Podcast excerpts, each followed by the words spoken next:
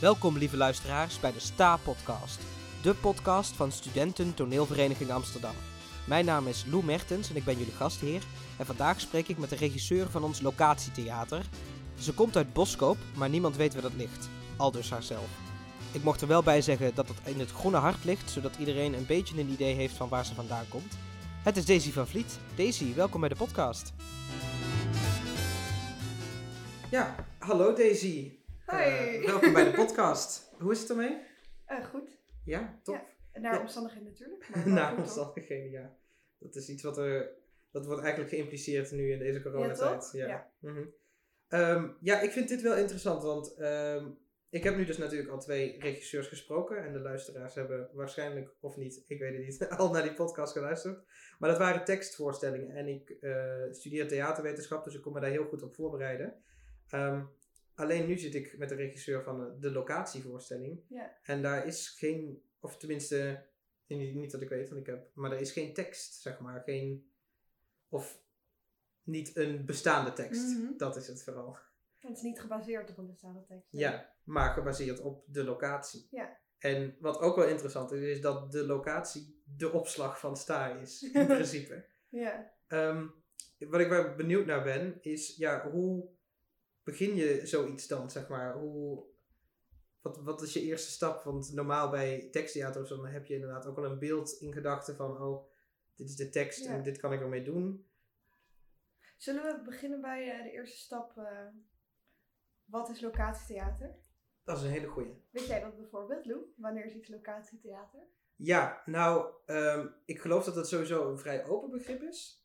Ehm, als in, dat is open voor interpretatie, maar ik vind locatietheater is pas locatietheater als de locatie ook echt een rol heeft in het verhaal, zeg maar. Of in, of in het stuk, zeg maar, je kan Shakespeare op locatie doen, maar dan moet de locatie echt iets toevoegen. Want anders is het gewoon een voorstelling op locatie en niet een locatievoorstelling. Ja. Ja, ik denk dat in een goede locatietheatervoorstelling kun je de voorstelling niet spelen zonder de locatie. Mhm. Als je dat wel kan, dan is het theater op locatie. Ja. Eh, of bijvoorbeeld, je kunt ook inderdaad een Shakespeare tekst nemen en die gewoon gaan spelen op locatie en de mise en scène aanpassen Mhm. op die locatie. Maar volgens mij is het dan nog steeds theater op locatie. Maar dat gebied is inderdaad discutabel. Ja, en je zou op zich nog kunnen beargumenteren. Ik kan nu niet even heel snel een voorbeeld verzinnen of zo, maar. ehm, bijvoorbeeld eh, het Pauperparadijs. Dat werd zeg maar op locatie gevoerd, eh, opgevoerd in Drenthe. En uiteindelijk werd het ook in Carré gezet. En dan werd het een theatervoorstelling. Ja. Maar zeg maar op locatie was het ook wel echt tekst op locatie, zeg maar. Ja, het is een grijs gebied. Dat gedeelte, zeg maar, in dat gedeelte wel, ja. Nee, maar wat wij hebben gemaakt is wat ik... eh, ik geloof er wel in dat dat echt locatietheater is. Mhm. Ehm, en dat is inderdaad eh, in de opslag van sta.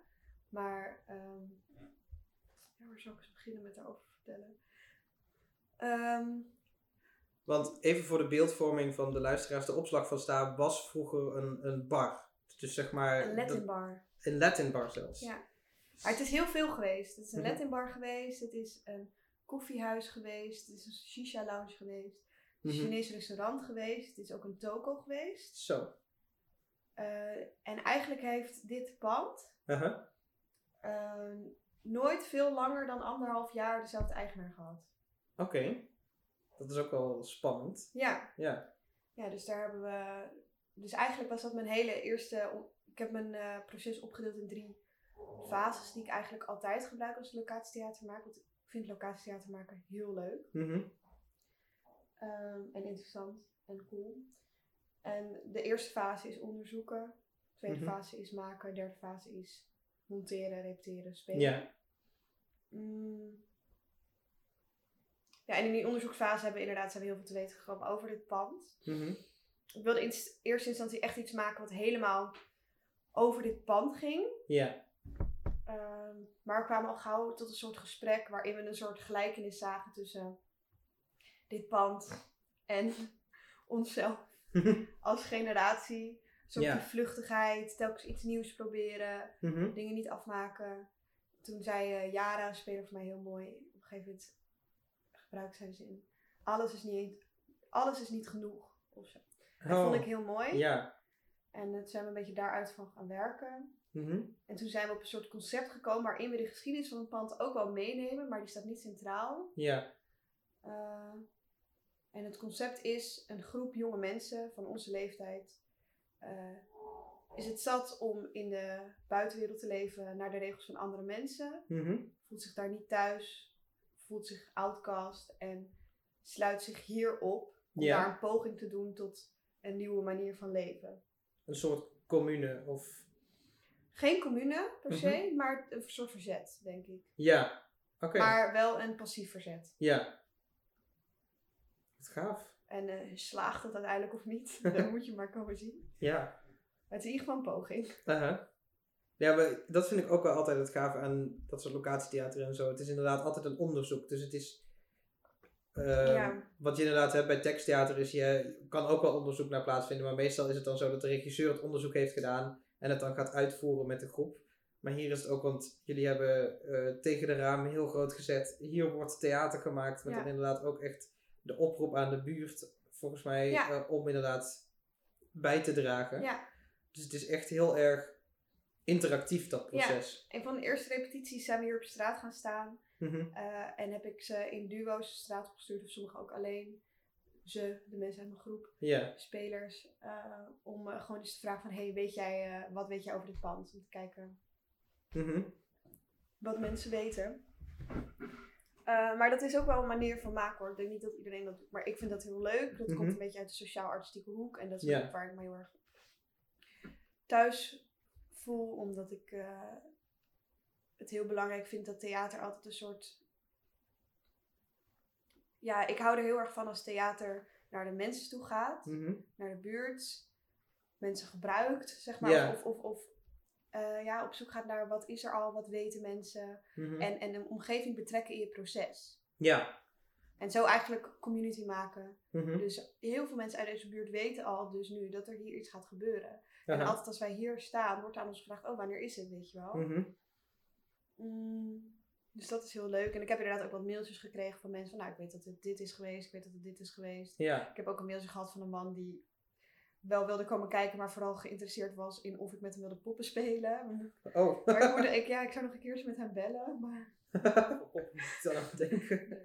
nou ja. Ja, weet ik niet. Ja, ik heb wel eventjes gekeken, maar hij leek wel heel aardig. Maar ik moet nog eventjes... eh, Mhm. ik had er nog eventjes geen tijd voor om daar goed te reageren. Maar ik vond het wel heel grappig. Mhm. Het is wel leuk. Het is sowieso... Ja, ik hou heel erg van die manier van werken. Aha. ik gedaan zo bij mijn afstudeervoorstelling. Dus Mhm. sowieso dus locatietheater, daar hou ik van. Ja. Eh, en dan ook echt je hele eerste fase gaan besteden aan onderzoek doen. Mhm. En dat op een hele community-achtige manier doen. Dus goed, Mhm. En dan bedoel ik echt al je ehm, vooroordelen van je afgooien, Ja. op straat gaan staan en dan gewoon op je meest eh, ja, kwetsbare, open manier gewoon Mhm. vragen: Hoi, ik ben Daisy, ik maak theater. Wat weet jij? Wat, wil je iets vertellen? Mag ik jou interviewen? Oh, je speelt muziek, wil je iets voor me inspelen? Mhm. Op zo'n manier. Ja. Het is op zich ook wel een, eh, of tenminste, het is niet bepaald zeldzaam in Nederland, maar het, het is niet het meest zichtbare natuurlijk. Nou, het is wel een beweging die nu. eh, Ja, dat, dat zeker. Het is steeds meer op aan het komen. En ook vooral nu in coronatijd zie je dat er heel vaak inderdaad terug wordt gegrepen op community inderdaad. Op die... Was daarvoor al hoor, want ik denk dat voor corona dat mensen al steeds meer ehm polariseerden. Maar ik denk dat het het wel versterkend heeft Tuurlijk, gewerkt, zeg ja. maar. Ja. Vooral omdat je dan inderdaad in, in je eigen buurt vast, of ja, vast zit natuurlijk ook weer niet. Maar je, je bent je er meer van bewust geworden. Ja, Het, het is natuurlijk wel jammer dat het dan ook weer nu corona een beetje tegenhoudt. Dat we ja heel erg. het echt weer kunnen uitvoeren. Want zeg maar dat onderzoek en zo, dat is nu goed te doen. Alleen het uitvoeren is natuurlijk, ja, dat Ja. gaat op dit moment niet. Ja. En daar ben ik dan eigenlijk ook wel heel benieuwd naar. Want eh, jullie zijn het proces natuurlijk ook gewoon in de opslag begonnen. En jullie hebben hier gerepeteerd. En op een gegeven moment mochten we niet meer binnen repeteren. Maar Ja. moest dat via Zoom. Ja. Hoe ben je dan verder gegaan? Want ik neem aan, als je locatietheater maakt, dan wil je eigenlijk het liefst ook altijd op die locatie Ja. blijven. Hoe pak je dat dan aan als dat digitaal wordt, zeg maar? Nou, ik kan je wel zeggen dat ik dat echt heel moeilijk vond. Ja. Echt wel een klap in mijn gezicht. Mhm. Ook omdat ik mezelf gewoon niet heel comfortabel voel. Niet oncomfortabel, maar ehm, ik voel me niet alsof ik in mijn kracht sta als ik online werk. Zeg maar. Mhm. Eh, voor mij een heel groot gedeelte van wat ik doe is echt. eh, daarvoor is het echt belangrijk dat, ik, dat het live is. Ja. Ehm, nou kan ik je zeggen dat we in het eerste gedeelte van het proces, nadat naast het onderzoek, zijn we al begonnen aan de fase maken. Mhm. En heb ik vanuit maakopdrachten op locatie al heel veel materiaal gemaakt. Oké. Dus vooral maken, maken, maken, maken, maken. En dan Mhm. schreef ik telkens op wat we hadden gedaan. En op zich kwam het wel redelijk uit met toen we online moesten gaan repeteren. Mhm. Dat we eh, dus al heel veel materiaal hadden, omdat we gewoon in korte tijd heel veel hadden gemaakt. Mhm. Vanuit verschillende maakopdrachten, dus veel bewegingsopdrachten op locatie, hè, hier, ruimtegebruik, eh, veel eh, individuele maakopdrachten, groepsopdrachten, Mhm. schrijfopdrachten ook gedaan. En toen eh, hadden we dus heel veel, vooral bewegingsmateriaal. Toen werd het online. Toen heb ik eerst heel veel schrijfopdrachten gedaan. Mhm. Ik weet wel dat mijn eerste schrijfopdracht die ik nog live gedaan was dan schrijf een brief vanuit het pand. Mhm. Of Dus schrijf een, nee, niet een brief. Ja, schrijf een tekst vanuit het pand. En soms werd het een brief, soms werd Ja. het een soort monoloog. Dat, er zijn wel mooie dingen uitgekomen. Mhm. Ook eh één tekst daarvan, die gebruik ik nu ook in de voorstelling. Mhm. En zo op zo'n manier, met een soort vraag, heb ik tekst laten schrijven en gingen we dan delen. Nou ja, en op een gegeven moment liepen we dan vast. Dachten, ja, we hebben nu eigenlijk genoeg materiaal, wat gaan we doen? Mhm. En ja, ik heb eigenlijk, het is de hele tijd een groepsproces gebleven. Montagetheater en echt gemaakt als eh, collectief, zeg maar. Mhm. En ik heb, eh, de- maar met wel eh, mijn leiding. Ik denk wel dat dat nodig is altijd in een collectief, dat er wel Ja. een soort begeleiding is. En ik heb ze toen gevraagd, geloof ik ook om. Nou, is het ook al lang geleden, hè? dus moet ik weer even. Ik hoop dat ik het goed zeg. Ja. volgens mij heb ik ze toen ook gevraagd om volgordes te bedenken. Of om uit al het materiaal dat we hadden te kiezen van, nou, dit moet erin, dit moet erin, Mhm. dit moet erin. En bedenk een volgorde. Ja. En vanuit al die voorstellen hebben we uiteindelijk een script gemaakt. Nou, het Mhm. script hebben we duizend keer aangepast. Oké. En veranderd en doorgelezen. Mhm. En toen we dus weer live konden repeteren, weliswaar buiten, Mhm. konden we eigenlijk meteen dat hele script door om te kijken of het werkte zoals we het hadden opgeschreven. Oké, ja, want daar ben ik ook dan wel benieuwd naar. Want eh, een heleboel regisseurs, of tenminste die ik ook al gesproken heb, die gingen dan online. Vooral met teksttheater kun je dan nog toch, heb je wat makkelijker ingang, of in ieder geval is het wat makkelijker om te functioneren. Ja, Die doen dan rollenonderzoek of eh, intonatie en dergelijke. Ehm, maar als zij weer offline buiten mochten repeteren, was dat in principe vrijwel gelijk aan binnen repeteren. Behalve dan dat het natuurlijk niet lekker warm is eh, en je bijvoorbeeld geen tafels en stoelen hebt.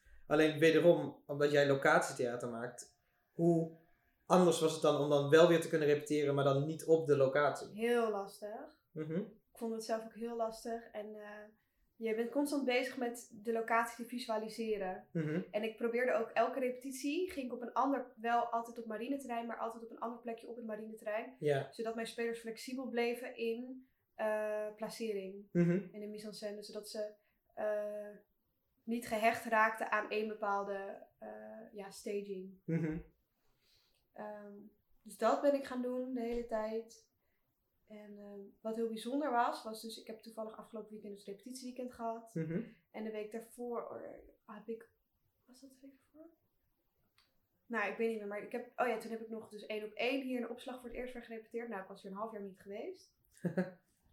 en alles wat ik op locatie doe hier, Mhm. wat er nog kan, we, we beginnen buiten, werkt meteen zoveel beter dan Ja. niet op locatie. Mhm. En daarom denk ik wel dat het dus een soort goed locatietheater is. Dat moet dan wel. omdat, ja, omdat het eh, meteen klopt als je hier bent. Dan denk je, ah ja, dit is het, weet je wel, Mhm. dit klopt. Dit... Dan werkt het gewoon opeens. Dat is wel bizar. Mhm. Dus ja, buiten repeteren was heel veel visualiseren, Mhm. vooral. En dus proberen de hele tijd flexibel te blijven, zodat als we daadwerkelijk alles hier mogen zetten, stagen, eh, door de ruimte, dat eh, ze daar ook nog flexibel in zijn. Ja. En ik heb geprobeerd dus zo te maken dat alles staat, behalve waar ze precies zijn in de ruimte. Mhm. En nu hebben we wel ook een plekje eh, gevonden op marineterrein die een soort de afmeting is van Mhm. Waar wij nu zijn. Ehm, dus daar hebben we in het repetitieweekend veel gerepeteerd. Dat is wel nice. Maar ja, weet je, je hebt hier dan die bar. Mhm. En waarschijnlijk gaan ze daar ook op en onder en achter. Ja, dat, Daar kan Ja. ik helemaal geen gebruik van maken daar. mhm. Of maak ik veel gebruik van dit. eh, ja, volgens mij is het een rokersruimte geweest van het hokje. dat zou me niks verbazen inderdaad. Ja. Ehm, dat kunnen we ook niet doen. Wc gebruiken we ook. Kunnen Mhm. ook niet. Ja, het is heel, ja, het is heel veel visualiseren en gewoon eh, fantaseren hoe zou het eruit uitzien. Mhm. Maar gelukkig was al het materiaal dat we hadden gemaakt, is gebaseerd op deze locatie. En komt voort uit bewegingsopdrachten, eh, andere maakopdrachten die we hier op locatie hebben uitgevoerd. Teksten die we hebben geschreven, geïnspireerd op het pand, op het concept. Mhm. Ja. Nou, wat dat betreft is het natuurlijk wel heel fijn dat je al hier bent begonnen. ja. Want stel dat gedeelte van het proces was weggevallen dat je niet eens op locatie kunt beginnen. Dan had ik dat niet gedaan. Dan had ik het ergens anders. eh, Dan was het over dan had ik misschien een buitenlocatievoorstelling gemaakt. Want dan was het helemaal niet relevant geweest om hier weer naar terug te gaan, denk ik. Mhm. Maar omdat we onze voorstelling echt, zeg maar, is geboren uit deze locatie, Mhm. kan het niet echt ergens anders. Nee, dat begrijp ik ook wel. Ja, Ja. ja, wat dat betreft is dit jaar natuurlijk ook gewoon een jaar geweest van verrassingen. Eh, want wij als bestuur hadden erop gerekend, oh, we zullen nog wel tot en met januari echt last hebben van wat maatregelen. Maar ik weet nog zo goed mijn sollicitatiegesprek. Mhm. Of sollic ja, was het een soort, ja, was een sollicitatiegesprek. Eh, met Anso en met, ehm hoe heet die leuke grappige jongen ook weer, die had zo lacht. Martijn? Martijn, ja. Ja. Die. Mhm. Zou ik wel leuk vinden om te horen. natuurlijk. En toen was, eh, vroeg Anso zo aan mij weer nog heel goed van... Ja, hoe ga je dat dan doen? Heb je een corona backup plan? Ik zei, Mhm. ja, zie ik dan wel. Zoiets zei Oh ja, prima, want eh, daar gaan we niet van uit hoor. Het is, ja. We vragen het voor de zekerheid, omdat het handig zou zijn. Maar het zit wel goed, weet je Mhm. wel. Nou ja, dat, dat was natuurlijk ook onze instelling. Maar aan de andere kant merken we ook dat de omstandigheden bepalen pas wat voor coronaconcept je kunt doen. Want zeg maar, vorig jaar zijn er een heleboel dingen gebeurd eh, in die een coronaconcept zouden kunnen zijn. Maar nu zijn er bijvoorbeeld, toen mocht je wel filmen als gewoon iedereen eh, eh, negatief getest is of zo. Of, maar toen gingen ze filmen op anderhalve meter afstand. En nu mag je in principe gewoon, als iedereen negatief getest is, filmen. Ja, Dus er zijn zulke andere regels alweer een jaar Ja. later. Je kunt je eigenlijk niet voorbereiden op een nee, coronaconcept. sowieso niet. Nee. Maar ik vind het wel heel bizar hoe ik toen echt dacht. En volgens mij iedereen een beetje zo'n gevoel had van... Oh, we zijn er bijna doorheen al. Ja, en Toch? het ergste moest nog komen überhaupt. Want we hebben een vele ergere lockdown gehad dan vorig jaar. Ja, met die avondklok, jongen. een avondklok. Gewoon sinds de Ja, want Tweede ik repeteerde eigenlijk in de avondklok, hè? Mhm. Want die eerste avondklok was 8 uur, toch? Eh, nee, tien uur. Het is, nou, Nee, nee, nee, trouwens, negen uur inderdaad. Ja, en wij, ons, mijn repetitie begon om half negen. Mhm. Want heb- hebben jullie het dan ook vervroegd? Of zijn jullie naar een andere dag gegaan? Of... Nou, eerst was het geen probleem. Mhm, Omdat we dus die Zoom-repetities hadden. mhm. En toen we weer live gingen, toen heet het, heb ik bijna elke week op een andere tijdstip gerepeteerd. En ik heb nog steeds dat ik telkens de vraag krijg, hoe laat repeteren we nou? mhm. Omdat het wordt de hele tijd aangepast. Nee, dat, dat is het ook gewoon. En ook met Maar buiten kan je ook niet te laat repeteren, want het was gewoon... Weet je hoe koud het was? Het was januari of zo. Toen, nee, februari. Nee, febru eind februari mochten we geloof ik. Ja, eind februari was het begin maart. Toen mochten we weer buiten. ja, en het was hartstikke koud, joh. Zeker op marineterrein. Het waaide echt... Oh, ik Oh, daar nooit- waait het ook heel hard inderdaad. Ja, maar het is wel echt een, een van de chillste plekken om s'avonds te repeteren. Omdat Mhm. het ook lekker rustig is. Ja, en je hebt er toch een overkapping met die twee Ja. panden waar je toch net... Ja, daar was Studio Nemo. Mhm. Ja, Dat is ook de, de, de go-to plek voor regisseurs. Als het regent, dan wordt daar gerepeteerd. dat was wel mijn idee, hè? Wist je dat? Ben jij de pionier geweest? Ja, iedereen was helemaal in, eh, in, in paniek. Van, nou, niet in paniek, hoe zeg je dat? Helemaal in... Oh nee, waar ga ik nu buiten repeteren Ja. als het regent? Mhm. Toen zei ik, nou... ik weet wel een plekje. Ja, Nee, want ik weet, wij, wij zijn begonnen bij Crea. Dus we zijn gewoon buiten het pand op de Mm, stoep gaan repeteren. grappig. Maar toen begon het op een gegeven moment ook een keer. Overdag was het heel hard aan het regenen. Toen zeiden we, oh shit, waar gaan we naartoe? welke voorstelling zit je dan ook? Eh, ik zit bij Jorrit. Dus dat was een teksttheater eh, Together. oh ja, En die is inmiddels opgenomen. Eh, oh, ben je er blij mee? eh, ik ben er, ja, of tenminste, het, het filmproces is nog niet helemaal af. Er zijn Niet nog twee, afgemonteerd. de, ja, nog niet afgemonteerd en er moeten nog een aantal scènes opgenomen worden. Maar we hadden afgelopen dinsdag een, de draaidag, zeg maar. En ik ben er in ieder geval blij mee eh, dat het opgenomen is en dat het erop staat, zeg maar. Dus dan, eh, want de onzekerheid is iets wat, denk ik, aan een heleboel mensen knaagt op dit moment. En wij stonden eigenlijk al in maart, ja, eh, jij volgens mij ook, februari, maart. Ik zou 18 en 19 februari spelen. Ja, daarom. We stonden heel vroeg op de planning en eh, de beschikbaarheid van de groep was er gewoon niet om in de zomer door Ja. te gaan. En dan moet je inderdaad knopen door. Er waren ook op een gegeven moment al twee spelers die nu al niet konden, dus die hebben Ja. we eh, helaas moeten vervangen. Er zijn goede vervangers voor gekomen, daar niet van. Dus ik ben daar op, op zich wel blij mee. Maar het is, ja, we hadden zoiets van, we moeten het dan wel nu erop zetten, want anders Ja. dan kan het niet meer. Je proces wordt zo in de war geschopt, hè? Het is intens. En sowieso, want we zijn nu dus iets wat we normaal verspreid over zeven eh, maanden doen, proberen Ja. we nu binnen een maand er doorheen te rammen. Ja, en de hele tijd ook voor jullie inderdaad, die nieuwe, die, die nieuwe Mhm. data en alle. Het is, denk wel echt dat jullie als bestuur. eh, ik weet niet, dat, ik denk niet dat er ooit een staalbestuur zoveel werk heeft gehad. Eh, ja, ik, ik denk het ook niet. Of tenminste, niet in deze vorm. Er zullen Nee. best wel mensen zijn die ook heel veel werk hebben geleverd. eh, Tuurlijk. Maar in het deze wordt jullie vorm. wel echt zo lastig gemaakt. Mhm. En Maar- ook de regisseurs. Ja, maar we doen het ook wel graag. Want ja. we krijgen ook heel vaak terug dat ze, vooral de staarleden, het fijn vinden dat ze toch wekelijks een momentje hebben gehad. Een repetitie of een activiteit. Eh, want is er echt was niet veel anders voor studenten de absoluut niks. En vooral in die avondklokperiode. Ja. Je ziet nu dat er, nu beginnen er weer inderdaad eh, gezelligheid, dingen te ontstaan, zeg maar. Alleen, er was helemaal niks. En, Nee, ik vond ook eh, dat veel mensen er slecht uitzagen in die tijd.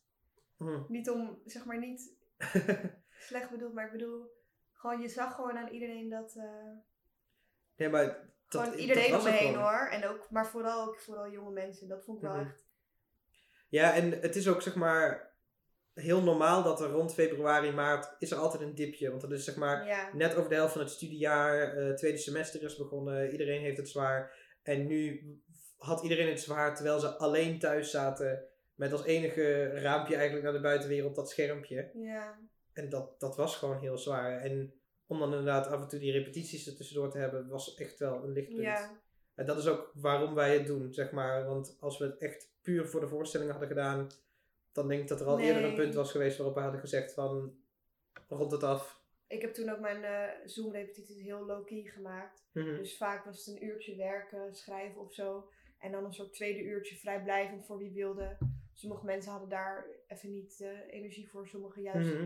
Haalden daar heel veel energie uit om nog even een spelletje te spelen of zo. Zo'n tekenspel. Ja, eh, oh, eh, de ja, Scribble. Scriblio of zoiets. dat is wel een heel leuk spel. Ja, ik vind het ook heel grappig. En heel, vooral als je ook aan het zoomen bent, is dat heel hysterisch. Mhm. Ah, ah, ah. Ja, Dat is is grappig. ook vooral leuk omdat je de hele tijd woorden kunt invoeren. Ja. Dus iedereen is echt de hele tijd... tudelele. Ja, ja, ja, echt- dat is echt heel grappig. Maar dat is ook het, zeg maar, dat vind ik op zich aan de ene kant, het is, de hele situatie is kut. Maar de Mag je dat creativiteit zeggen van... in de podcast? Kut? Dat mag ik best wel zeggen. Het is mijn podcast, ik doe wat ik wil. Oh. Ik moet dan wel even op Anchor FM aangeven dat het een explicit podcast is. Oh. nee, maar het is gewoon, zeg maar, en dat is ook het enige woord waarmee we dit, deze situatie kunnen omschrijven. Gewoon ronduit kut. Alleen het brengt wel echt enorm de creativiteit in mensen naar boven. Want er worden nu inderdaad een heleboel grenzen gesteld. Maar iedereen is ook echt op zoek naar die grenzen. Op hoe je op creatieve manieren toch kunt doen wat je wilt doen. Dus. eh, Ik vind dat wel hoopvol gezegd hoor. nou ja, maar ik, eh, ik, ik heb het gezien, zeg maar. Er wordt eh, vooral ook. we hebben een heleboel commissies die normaal de leukste activiteiten offline organiseren. ja. En zij moesten zich echt in bochten wringen om dingen te organiseren. Mm. En dan kwamen ze ineens met een online programma wat Jackbox heette, waarbij een heleboel online spellen gevoerd, gespeeld kunnen konden worden. Er waren mensen die hadden zo'n dinner party, wat je zeg maar kunt downloaden van het internet, wat je normaal in real life doet, omgevormd naar een Zoom eh Cluedo, Mm. zeg maar. En dat werkte verrassend goed. Hmm. Eh, er werden echt alle online opties werden gevonden. En dat geldt ook voor de regisseurs. Want eh, er wordt inderdaad wel ook goed gecommuniceerd van kunnen jullie het aan. Maar er zijn dus ook regisseurs die hebben dan de mise en scène uitgetekend gehad. En dan de camera erop gericht. En dan oké, als jij die tekst zegt, dan verplaats ik jouw poppetje naar de andere kamer. Ja. Dus er is een hele, eh, er is wel een heleboel creativiteit naar voren gekomen. Uiteindelijk is het ook op een gegeven moment opgedroogd. Want er zijn ook regisseurs die eh, hebben gezegd, het lukt gewoon niet. En dat is ook hun goed recht, want Ja. het... ik had daar op een- een gegeven moment wel last van hoor. Dat ik dacht van. ehm, ik heb op een gegeven moment ook gezegd, ik heb me nog nooit zo niet creatief gevoeld. Mhm. Ik zit altijd echt. Ik kan wel zeggen dat ik echt vol met ideeën zit en nooit een soort van leeg ben daarin. Maar ik heb me echt nog nooit zo niet creatief gevoeld op een gegeven moment. Tijdens die Zoom, avondklok, eh, repetitietijd. Ja. En ik heb dat nu wel weer helemaal terug. Mhm. Maar ik dacht toen echt, nou, Ja, ik weet het gewoon niet meer. Ik, ik, ik, ik kan gewoon niks meer bedenken. Mhm. Maar ook dat is heel begrijpelijk. Ja. Want het is gewoon... En het is vooral ook omdat het onbegonnen terrein is, zeg maar. Er is... Zo'n situatie is nog nooit eerder Ja. voorgekomen. We kunnen ons er niet op voorbereiden. Dus je moet ook echt gewoon uitzoeken. Ja, en ik voel me zeg maar, ik ben natuurlijk net afgestudeerd, dus ik voel me nog maar net comfortabel in mijn eh, Mhm. eigen repetitieproces, of in mijn eigen proces. Uh-huh. En dan wordt zo'n proces gewoon, eh, nou ik voel me redelijk comfortabel erin, maar dan wordt zo'n proces opeens, er wordt zo ziek veel flexibiliteit van je gevraagd. Ik vond Mhm. het op een gegeven moment gewoon heel, ik, ik zeg maar, ik kon het net. Snap je wat ik bedoel? Ja, en daar ben ik heel benieuwd naar. Dus daar ga ik je zo meteen wat over vragen. Maar we gaan dan eerst heel even een korte pauze nemen. Dus Oké. eh, hier, hier zit de pauze. Tot zo.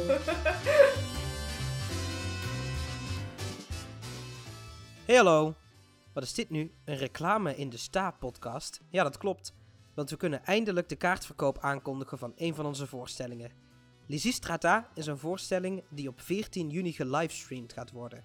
Als je nu naar de site gaat, kun je kaarten kopen om op 14 juni de livestream mee te kijken. En houd vooral de site in de gaten voor de kaartverkoop van de meerdere voorstellingen die nu eindelijk in juni plaats kunnen gaan vinden.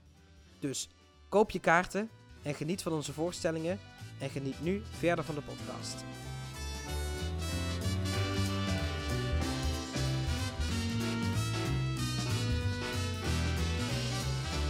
En we zijn weer terug van de pauze. ja, ehm, eh, van de pauze. We hebben even lekker eh, wat bijgekletst, even wat water gehaald. eh, of tenminste, ik. Jij wel, Ja. je hebt niet geen eens water voor mij. Wil, wil, je- wil je nog wat water? Dan schud ik nog even uit de fles in. Lekker ASMR geluid voor de podcast. Alsjeblieft. Zo, ja. ehm, want we hebben het net vooral gehad over jouw voorstelling. En we gingen een beetje richting, of we hebben ook wel aan jouw maakstijl en zo geraakt. Eh, en na de pauze vraag ik meestal aan onze regisseur ook, ja, hoe jij als regisseur gevormd bent, slash hoe jij daarbij bent uitgekomen. En nou weet ik heel toevallig dat jij de opleiding eh thea- de docent drama, ik weet even niet wat de specifieke naam is in Zwolle nu nog docent theater. docent theater eh, in Zwolle aan Artes hebt gevolgd. En dat weet ik niet alleen omdat ik jouw werkgever ben en je sollicitatie heb geluisterd, maar ook omdat ik vijf jaar geleden als auditant eh, jou heb gezien op de opleiding, zeg maar. Ja. Ehm, Niet alleen mij hebt gezien, je hebt ook mijn huis gezien. ja, dat ook inderdaad. Je huis en eh, Zwolle helemaal. Of je oude huis inderdaad, want je woont nu in Amsterdam natuurlijk. Maar het is een hele leuke woning trouwens. Waar ik toen woonde in Zwolle. Ja, met die, die vliering, Ja, ik heb maar. ook mijn hele tijd, mijn hele volle tijd gewoond. Vijf Mhm. jaar. Vijf hele jaren. Ja. Zo, de knetter. Ja, want daar ben ik wel benieuwd naar. Want ehm, ja, hoe ben je daar terecht gekomen überhaupt? Zo. Oké. Want Ja. je komt uit Boskoop, dus dat is het Ja. Groene Hart. Dat Ja. is Randstad, maar dan ga je naar Zwolle Ja, toe. dat slaat ook nergens op. Dat is echt de hele andere kant. Nee, oké. ik zal het proberen kort te houden. Eh, mensen die mij kennen, die weten dit wel. Maar mensen die mij niet kennen, niet. Eh, ik was op mijn zestiende klaar met de HAVO. Eh, dacht van, ja, ik was heel, ik, heel zeker van dat ik niet meer op de middelbare school wilde blijven. Mhm. Ik wilde iets gaan doen met theater, want dat wist ik gewoon al vanaf jaar één, toen iedereen nog twijfelde wat hij dan wilde gaan doen. Met, ik dacht iets met theater, dat wist ik gewoon. Dus ik was ze- 16, was ik klaar met HAVO. Toen ehm, heb ik geloof ik auditie gedaan voor de Kleinkunstacademie. Maar ja, natuurlijk veel te jong Ja. om zoiets te doen. En ik had geen idee. En dan was ik natuurlijk niet aangenomen. Eh, maar goed ook, denk ik. en toen ehm, ehm, werd ik wel aangenomen op de Dutch Academy of Performing Arts, de DAPA in Den Haag. Eh, wat een musicalopleiding is. Oké. En ik dacht, eh, nou, dat is vet. Want dan kan ik me in ieder geval ontwikkelen op het gebied van zang, dans en spel. Mhm. Dus dat ben ik gaan doen. Nou, die opleiding bleek niks voor mij. Ik was al van plan om daar maar een jaar te blijven en dan weer te auditeren voor HBO-theateropleidingen. Maar ik kwam er echt achter dat, het, dat de musicalwereld niet bij mij paste. het is ook een hele specifieke wereld. Of tenminste, nu nog. Ja, Er is verandering in aan het komen, maar... ja, en eh, dat de mentaliteit eh, die daar heerste ook niet voor mij, eh, mhm. aan mij besteed was. Ehm, en dat ik gewoon niet zo'n uitvoerend artiest ben. Dat ben Mhm. ik ook, maar ehm, ik kwam erachter dat er een hele grote maakdrang in mij zat. En dat ik veel meer bezig was met inhoud dan eh, mijn jaargenoten of mijn schoolgenoten. Of, Mhm. ik, ik, ik kon niet zeg maar leidend voorwerp zijn in een Ja. geheel. Dat vond ik heel lastig, want we moesten dan dinnershows dansen. En ik Oh. vond dat zo stom.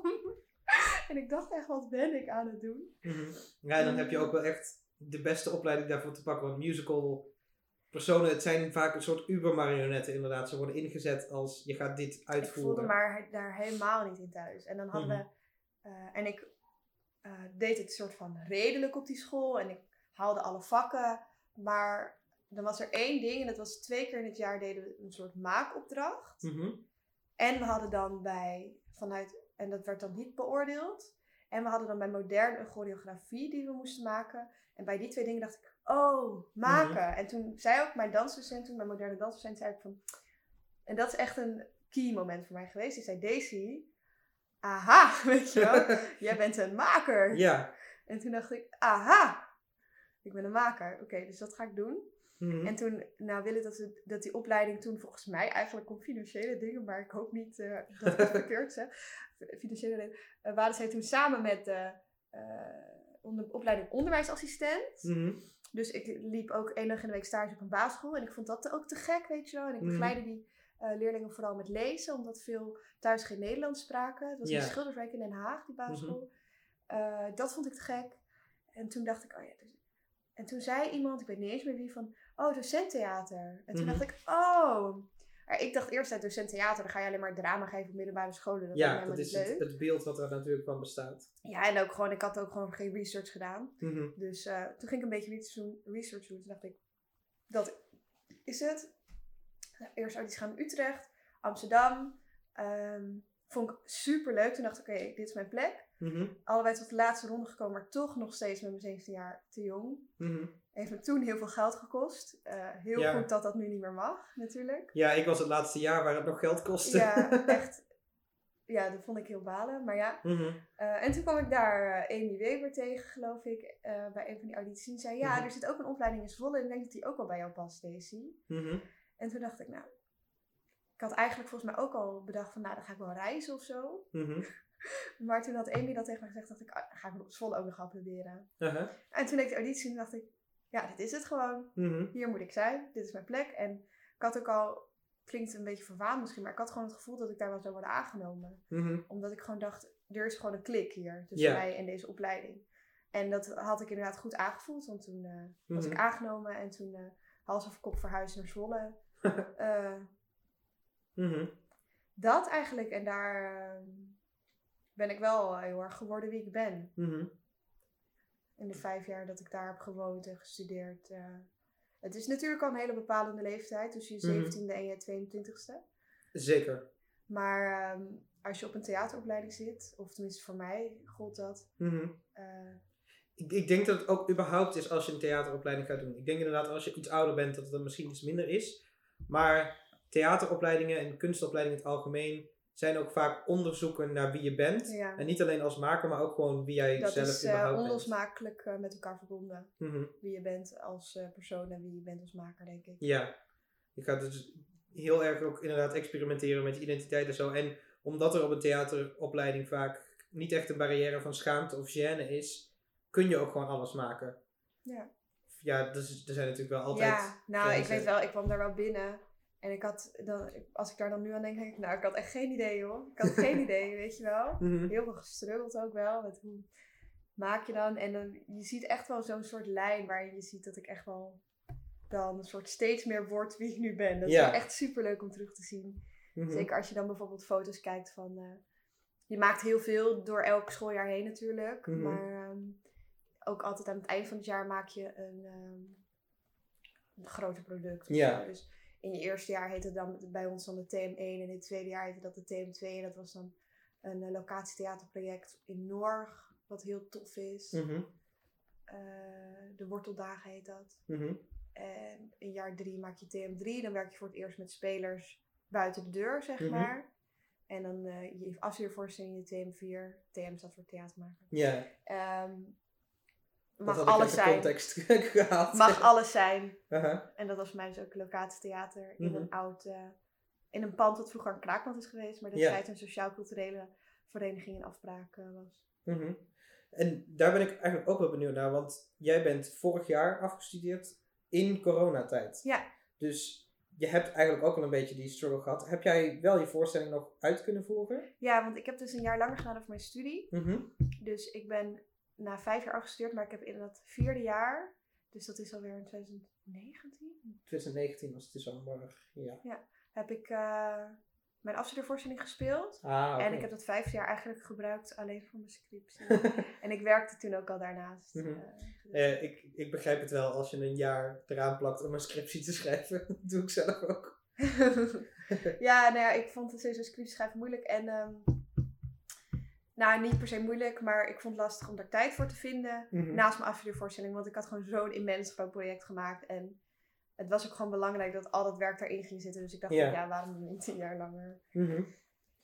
En waar ik dan op zich wel benieuwd naar ben, is ik, ik ken een aantal mensen die op eh, de opleiding in Zwolle hebben gezeten en een heleboel gaan locatievoorstellingen Echt? maken. Wie ken jij dan allemaal? Eh, onder andere Sarah Strasburger heeft ook gesolliciteerd. Die heeft toen met mij auditie gedaan, Oh ja. is wel aangenomen. Ja.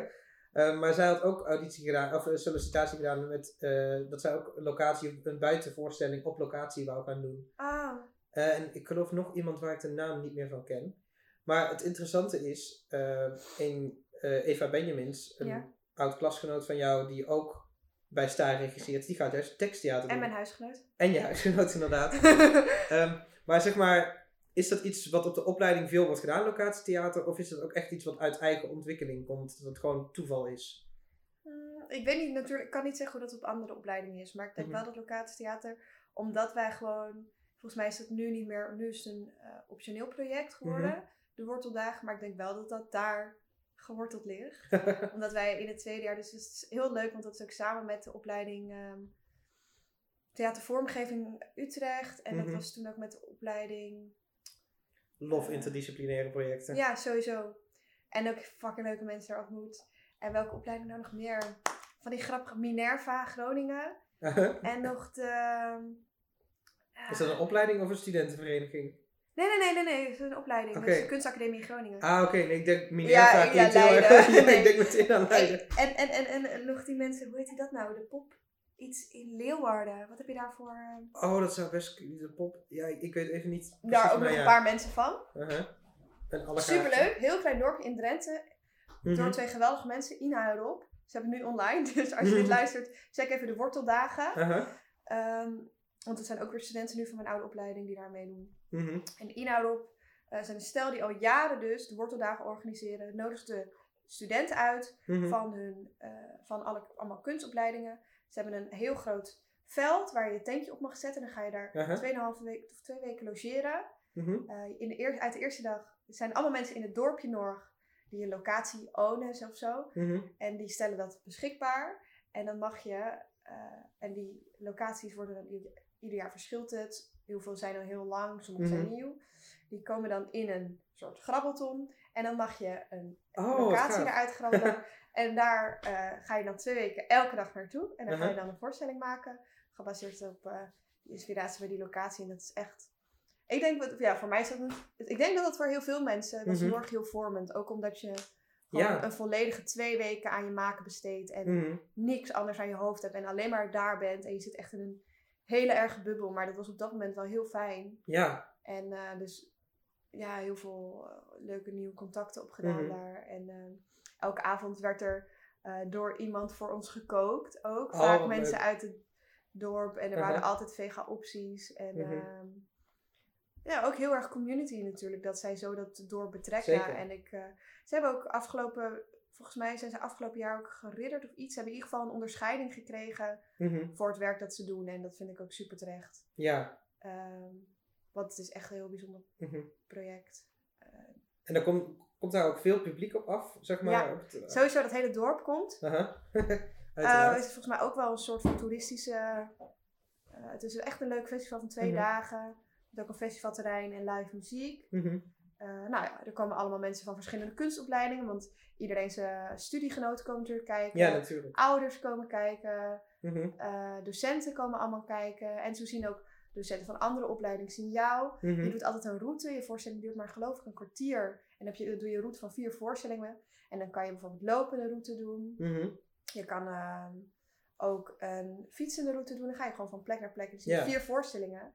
En als ik bijvoorbeeld alleen jouw voorstelling wil zien, Mhm. ga ik dus ook automatisch die andere voorstelling Oh zien. ja, en daar heb je altijd publiek dat je niet kent. Mhm. Dat is ook te gek.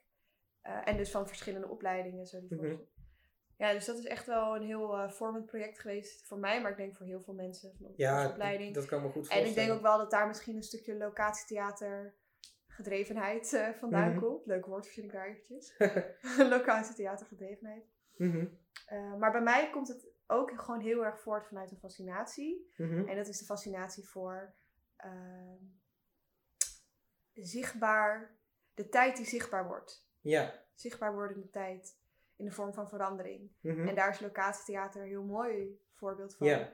Ik ben altijd al zo gefascineerd geweest door vroeger had je die filmpjes van mensen die dan elke dag een foto van zichzelf maakten met een webcam. Weet je wel, dan zo heel snel achter elkaar gezet over vijf jaar. Oh, Dat zo- zo'n ik- timelapse, Ja, zeg maar. ja, dus dat vond ik altijd te gek. Dat je zo die verandering zag in een gezicht. Dat. Of als je bijvoorbeeld van die hele oude filmpjes van Amsterdam terugkijkt. En dat dan zo herkent. Dat je dat, dat die Mhm. verandering zo zichtbaar wordt. Of eh, ik vond het bij aardrijkskunde al heel leuk. Is dat, heet dat gentrificatie? Dat je zo... Dat weet- is als gentrificatie staat volgens mij tegenwoordig vooral bekend om. Je hebt een buurt en er komen ineens witte mensen wonen en alles wordt duurder en Oh. er komen Starbucks. Nee, dat bedoel ik niet. ik bedoel dat, dat ene begrip wat ik ooit bij aardrijkskunde heb moeten leren. Sorry Erik Raus als je dit luistert. Ehm, dat je zeg maar zo de binnenstad hebt en er zo omringen zo omheen is gebouwd. En dat, Oh, urbanisatie is, is dat ik. urbanisatie? Urbanisatie. Dat je daarin de tijd zichtbaar ziet worden. Dus dat je van Ja. Nieuw-West zo naar het centrum kan fietsen en zo die tijd zichtbaar ziet worden. Nou, dat vind ik prachtig. Ik weet niet, daar, daar krijg ik een soort gevoeletje van. Ja. En altijd als ik een gevoeletje heb, Mhm. dan moet ik daar iets mee en dan, zit het, dan, dan Ja, kan ik daar wat moois mee maken. Mhm. En dat is echt wel een eh, terugkomend eh, Dat iets. kan ik ook wel begrijpen dat daar inderdaad een enorme fascinatie zit. Ja, En dan is Amsterdam ook een hele mooie stad, omdat je inderdaad niet alleen die lagen hebt, maar je hebt ook soms dat er dan ineens iets wat vroeger een dorp was, Ja. gevangen zit in ja een in de stad. Ja, ja. Ja. dat vind ik echt te gek ook. Zo heb je dat bij Sloterdijk. Heb je dat oude Sloterdijk nog, dat Mhm. dorpje. Maar ook in Noord zit ook zo'n dorpje, Ja. eh, met, wat eigenlijk vroeger gewoon langs een dijk lag. Dus Ja. zit ook echt alles op een dijk, zeg Ja. maar. Maar er, alles is gewoon dichtgetimmerd eromheen. Ja, Dat is heel... de Nieuwdammerdijk. Of niet? Ja, volgens mij wel.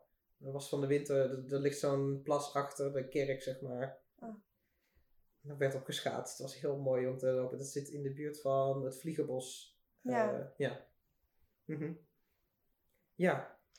Maar ehm, ik kan ook nog een antwoord geven op je vraag waar dat locatietheater, eh die voorliefde daarvoor vandaan komt. Mhm. Dus het is inderdaad, denk ik wel, die gevormdheid door de opleiding en die wort, dat worteldagenproject dat heel centraal Mhm. stond. Ik heb trouwens in mijn opleiding alleen maar locatietheater gemaakt ook. Voor mijn grote voorstellingen. Dus je hebt... Mijn eerste jaar was in een kelder ergens in de school.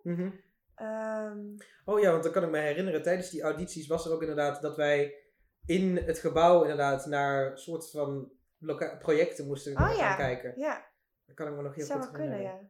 En volgens mij was er daar ook eentje van in de kelder. Als ik mij dat Ja, Ik was de enige in de kelder hoor.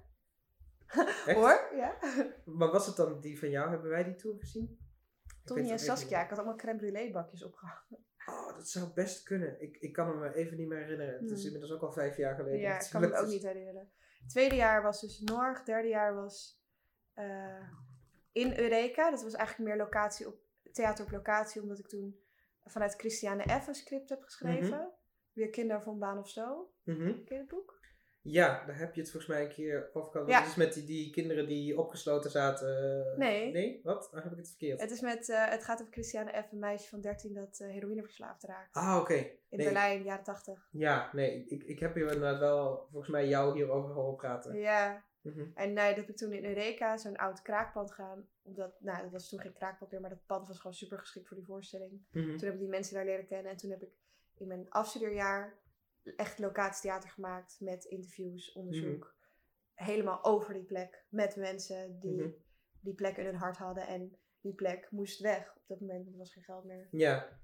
Nee, dat kan ik me nog herinneren. Dat, ik- tenminste, daar zag ik een heleboel van op social media toen inderdaad van jou voorbij komen. Ja, daar ben ik ook nog steeds zo trots op. Mhm. En ehm, Maar ik denk dat het ook wel gaaf is als de voorstelling dan ook inderdaad nog de extra lading krijgt. Dat het ook een soort strijdbaarheid of zo heeft inderdaad van het moet weg. Ja, maar dat gebeurde dus gedurende mijn proces. Want het Oh, concept was- lag er al. We waren Uh-huh. begonnen met werk. En toen was er een soort leden, algemene ledenvergadering. Mhm. Ehm, en dan moesten ze weg. Dus dat was een extra lading die erbij Oh, kwam tijdens mijn proces. Maar dat maakte de voorstelling natuurlijk wel beter. Maar Mhm. het was ook wel heel verdrietig. Maar ik denk ook dat ik wel daarmee een soort van goede afsluiter heb eh, kunnen maken. Ja. Maar wat ik eigenlijk wil zeggen was... Ja. Dus Vertel. daar komt locatietheater vandaan. Maar ik heb ook natuurlijk een grote liefde voor de Nederlandse meme. Mhm. En ik denk dat de Nederlandse meme ook onlosmakelijk verbonden is met locatietheater. Oké. Nou ja, zeg maar, ik, dan trek ik meteen een bedenkelijk gezicht. Ja, waarom? Want eh, ik, ik, ik- sowieso moet ik zeggen, ik heb niet al te veel meme gezien in mijn tijd. Eh, maar waar ik bij de Nederlandse meme meteen aan denk is Bambi. Hmm. Eh, de voorstellingen van Bambi. En dan denk ik niet meteen aan locatievoorstellingen. Dus ik ben heel benieuwd hoe je dat zou, zeg maar, uitleggen. Nou, weet je wat er wel een beetje kut is nu? Dat ik... Ik heb hier een hele goede scriptie over geschreven. Oké.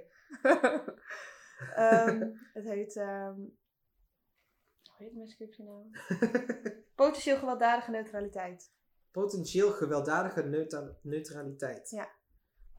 Kan het kopen als je wil. Oké. Vet goed boek. Zo dik. Ehm,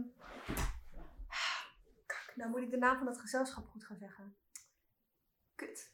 Ik weet nu dat ik dat mag zeggen. Uh-huh. Ehm, Welk gezel... wacht, kun je de context schetsen? Misschien ken ik het wel. Want... nou, je hebt Marijne Lange, die heeft een vet goed ehm, boek geschreven over eh, de Nederlandse meme en haar kenmerken. Mhm.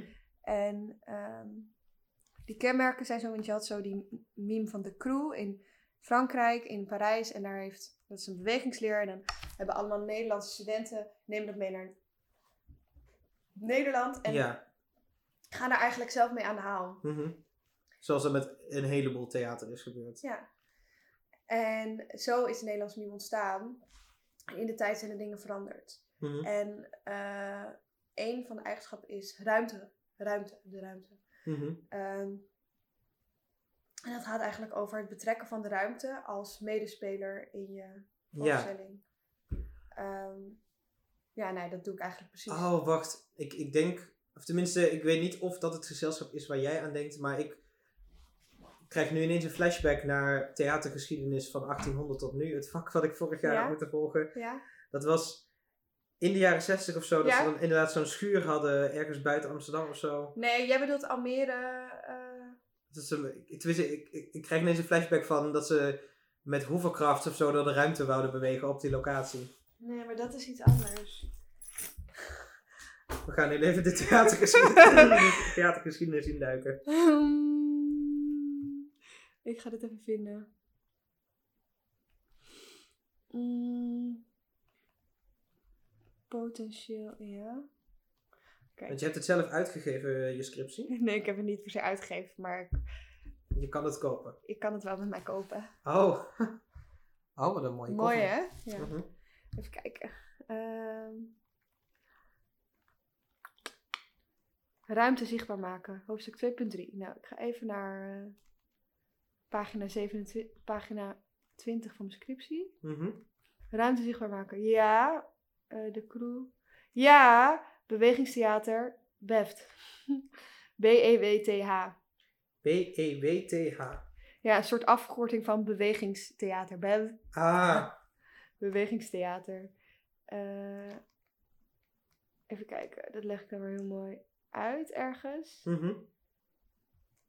Ja, nou ja, zij gaan gewoon. Het kernpunt is dat zij uitgaan van ehm, de ruimte als medespeler. Ja. En dat vind ik gewoon een heel eh, mooi gegeven. Mhm. Ik zie toevallig nu op de site van de Theaterencyclopedie inderdaad ook wel een hele mooie foto. Van Eh. bewegingstheater. eh, Bam. Ja, maar dat ze in een soort ramen staan, zeg maar. Ja, maar dit is toch mooi, want zo echt- speel je toch met je ruimte. Dat is echt fantastisch. En dit gebeurt niet als je gewoon een voorstelling gaat spelen, denk ik daar. Nee, absoluut niet. Hier moet je echt onderzoek naar je Mhm. ruimte hebben gedaan, denk ik dan weer. Hey, en locatietheater is ook heel interessant. Tenminste, ik weet, toevallig heb ik dit jaar dan ook selectie gedaan. En locatietheater was ook echt een onderdeel van de selectie. Vooral ook omdat nu mochten we alleen buiten fysiek zijn. Dus toen liepen we door het Beatrixpark. En toen was in eerste instantie de opdracht... Rob, stop als je een leuke locatie ziet en maak daar een houding. Dus toen hebben we Hmm. de hele tijd gelopen en stop. Leuk, en do- dook er iemand een kuil in. Goeie opdracht. Mhm. En vervolgens werden we de ruimte ingestuurd en moesten ook echt een, een scène van vijf minuten maken op een locatie. En dan was ook echt ex- inderdaad iets, eh, expliciete opdracht. Zorg dat dit niet op een andere locatie kan. Dus zeg maar, zorg niet. Ja. Dus het moet echt intrinsiek zijn aan de locatie. Eh, en dat moesten we dan vervolgens ook argumenteren. Dat was eh, heel interessant. Ja. Mhm. hey, we zitten al over de 50 Oh, minuten sorry. heen. nee, maar dat is, Ik praat ook gewoon te veel. ja, maar dat maakt helemaal niks uit. Dus we gaan hem langzaam afronden. Maar ik heb altijd een soort standaardvraag die ik normaal stel. Ik denk dat ik hem vandaag een beetje ga aanpassen. Want normaal vraag ik, als je een voorstelling zou mogen kiezen om te regisseren, welke zou je dan kiezen? Oh, god. Maar ik denk dat ik hem dan nu zou willen toe- toespitsen op... Wat zou jouw ultieme locatie zijn waar je nog een keer een voorstelling zou willen maken? Heb jij iets... Heb jij ergens je oog op je, je tanden ingezet waarvan je denkt, daar wil ik ooit een voorstelling maken? Hmm, maar weet je, elke locatie heeft zo zijn geheimen en zijn verhalen. Mhm, Ik had ook niet verwacht dat, eh, dat ik hier terecht zou komen. mhm.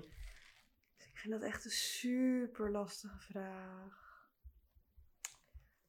Hmm, Ik hou er ook heel erg van als ik het publiek kan bewegen, dus dat het een soort route is. Mhm. Dus een relatief groot pand of iets. Ja. Mm, ik was laatst ehm, in Schiedam, in de suikerfabriek. Nee, Oh, ja, dat zou best kunnen. Is dat... gaan we ook even opzoeken. Ah, ja. Ja. Ik, ik denk... Ik, want met uh, collectief Smel, dat is een ontwerpcollectief waar ik soms mee Mhm. samenwerk. Zij ontwerpen eh, ruimtes. Superleuk. Ehm, in Tenminste, dat- Schiedam, dat, dat klinkt heel erg bekend. is heel tof. En ik hou altijd ook wel van geleefde gebouwen. Mhm. Maar het lijkt me ook wel heel vet om een keer een heel clean gebouw eh, Ja. eh, te werken. En clean als in nieuw of gewoon helemaal kaal, zeg maar. Een soort combinatie van dat. Mhm. Is een Sodafabriek, ja. sodafabriek? Dat is het. Ja, nee, dat, is, dat ligt ook helemaal uit elkaar. Maar dat is echt Mhm. gek, joh. En er liggen ook allemaal verhalen. En het, je kan honderd verschillende routes lopen. Mhm. Lijkt me ook heel vet. Zoiets. Gewoon iets Ja. heel groots. Lijkt me ook een keer Mhm. leuk. Er staan ook een heleboel interessante foto's op Google als ik daar aan het scrollen ben. Ik zie een man in een kooi. Ja. En Maar ik zou ook wel acteurs zijn. Locatietheater een keer willen maken. Een soort van... Een route door een flat bijvoorbeeld. En dat je ook een hele vette scène zo kan zien met al die galerijen zo onder elkaar. Ja. En dan een soort samenwerken met een choreograaf. Dat je een hele Mhm. vette dans maakt. Of een Ja. soort scenografie waarin er allemaal dingen naar beneden vallen. Oh, dat lijkt me heel gaaf inderdaad. Of dat je een beeld juist maakt met bijvoorbeeld dat je stoffen of zo naar beneden laat vallen, dat er dan ineens een beeld ontstaat op zo'n Ja, flat. Ik weet niet, zoiets. Mhm. Lekker Dat groot. vind ik heel vet. Ik hou dus ook... We beginnen ook buiten hier met het Mhm. straatbeeld. En dat wordt echt een heel vet begin. Mhm. Nou, dat, nou ga ik niet vertellen. dat ga, dat, dan gaan we nog een uur verder. Wellicht dat er een deel 2 komt, Ja. maar inderdaad, ja, eh, heel slecht antwoord op je laatste vraag van mij. Maakt helemaal niks uit. Eh, we hebben eh, genoeg gepraat. Ik wil jou heel erg graag bedanken Ja. voor je komst bij de podcast. En naar de luisteraars zeg ik, houd onze kanalen in de gaten. Eh, want we gaan binnenkort waarschijnlijk bekendmaken hoe de voorstelling van Daisy te zien zal zijn. Dat gaat afhankelijk zijn van de heer Rutte en de heer De Jonge.